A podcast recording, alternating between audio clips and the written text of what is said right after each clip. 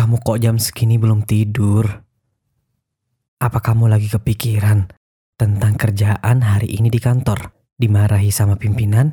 Atau kalian pelajar, kalian lagi mikirin tugas-tugas yang gak kelar-kelar? Teman-teman yang rese? Atau ibu kantin yang julid?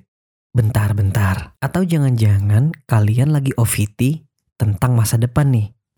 Tenang, kalem, tarik nafas dulu yang panjang. Gak apa-apa, semua orang juga pernah berada di fase kamu sekarang ini. Jadi kamu gak sendirian kok. Tapi kamu harus tahu, kamu gak perlu buang-buang banyak tenaga buat mikirin hal-hal yang sudah terjadi hari ini, kemarin, atau di masa lalumu. Dan juga kamu jangan cemas oleh masa depan yang masih misterius. Karena semua yang terlalu kamu pikirin tentang masa depan, semua ketakutan-ketakutan yang belum terjadi, bisa membuat kamu jadi pesimis loh. Lebih baik sekarang kamu fokus dengan diri kamu yang sekarang ya. Kamu fokus kerjain apa yang sedang kamu kerjain. Fokus sama apa yang ada di depan mata kamu saat ini. Mau bagaimanapun juga yang telah terjadi, biarkan saja lewat. Dan yang akan terjadi, terjadilah. Udah mirip lagunya Peter Pan kan? Pokoknya mulai hari ini, kamu harus ngomong sama diri kamu sendiri. Hei aku, Ayo fokus dengan apa yang sedang aku kerjain saat ini. Karena seperti apa aku saat ini akan menentukan seperti apa aku di masa depan. Coba deh kalian ngomong seperti itu kepada diri kalian sendiri. So, jadi buat kalian yang bekerja, fokus untuk menuntaskan pekerjaan. Selesaikan seoptimal mungkin, kan kita nggak akan pernah tahu nih kalau ternyata suatu saat nanti kamu bisa naik jabatan karena performa kamu yang luar biasa. Dan buat kamu yang sedang menjalani pendidikan, apa pun itu, mau SMP, SMA, kuliah, atau bahkan pendidikan abdi negara. Fokus ya jalani pendidikannya, bisa jadi nanti kamu jadi orang-orang hebat yang memiliki visi-visi yang luar biasa suatu saat nanti. Ya, yang namanya manusia itu punya pikiran, yang namanya pikiran punya kekuatan.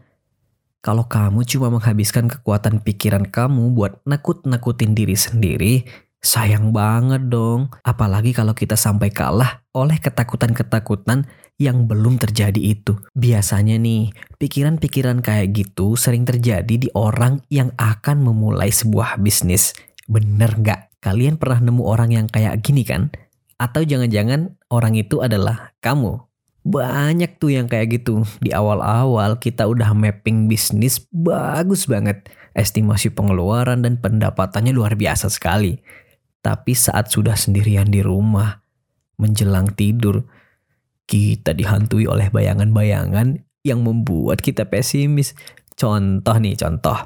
Pas sudah enak nih mau tidur, tiba-tiba kita bengong sambil ngeliatin atap kamar. Lalu terbesit sebuah pikiran apa iya ya saya bisa ngejalani bisnis ini? Kalau gagal gimana? Kalau nggak ada yang mau beli nanti gimana?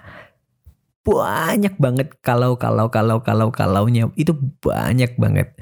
Akhirnya besok jadi mikir nih, ah nanti aja deh bisnisnya, tunda dulu dah, tunggu matang dulu, tunggu ini dulu, tunggu-tunggu banyak sekali tunggunya. Jadi ketunda deh mimpi-mimpinya. Nah, nah, nah, nah, nah, bener nggak? Bener nggak sob? Banyak kan yang seperti itu. Atau jangan jauh-jauh deh. Aku sendiri aja pernah kok kayak gitu.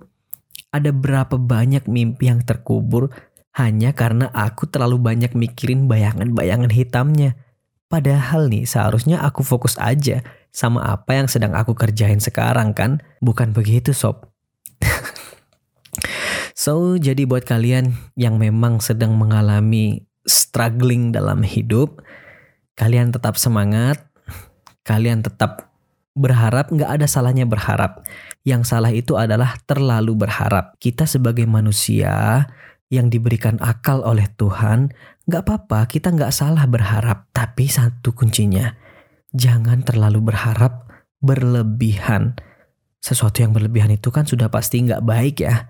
Ya semua orang sudah pasti setuju lah. Begitu juga harapan. Jadi jangan pernah takut untuk berharap. Jadikan harapan kalian itu sebagai kunci dan motivasi untuk kalian bergerak dan kalian harus menggapainya.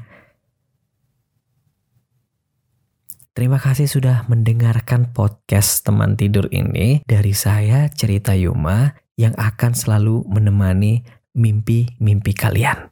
Tetap semangat dan satu lagi, besok aku tunggu senyum manis kamu ya.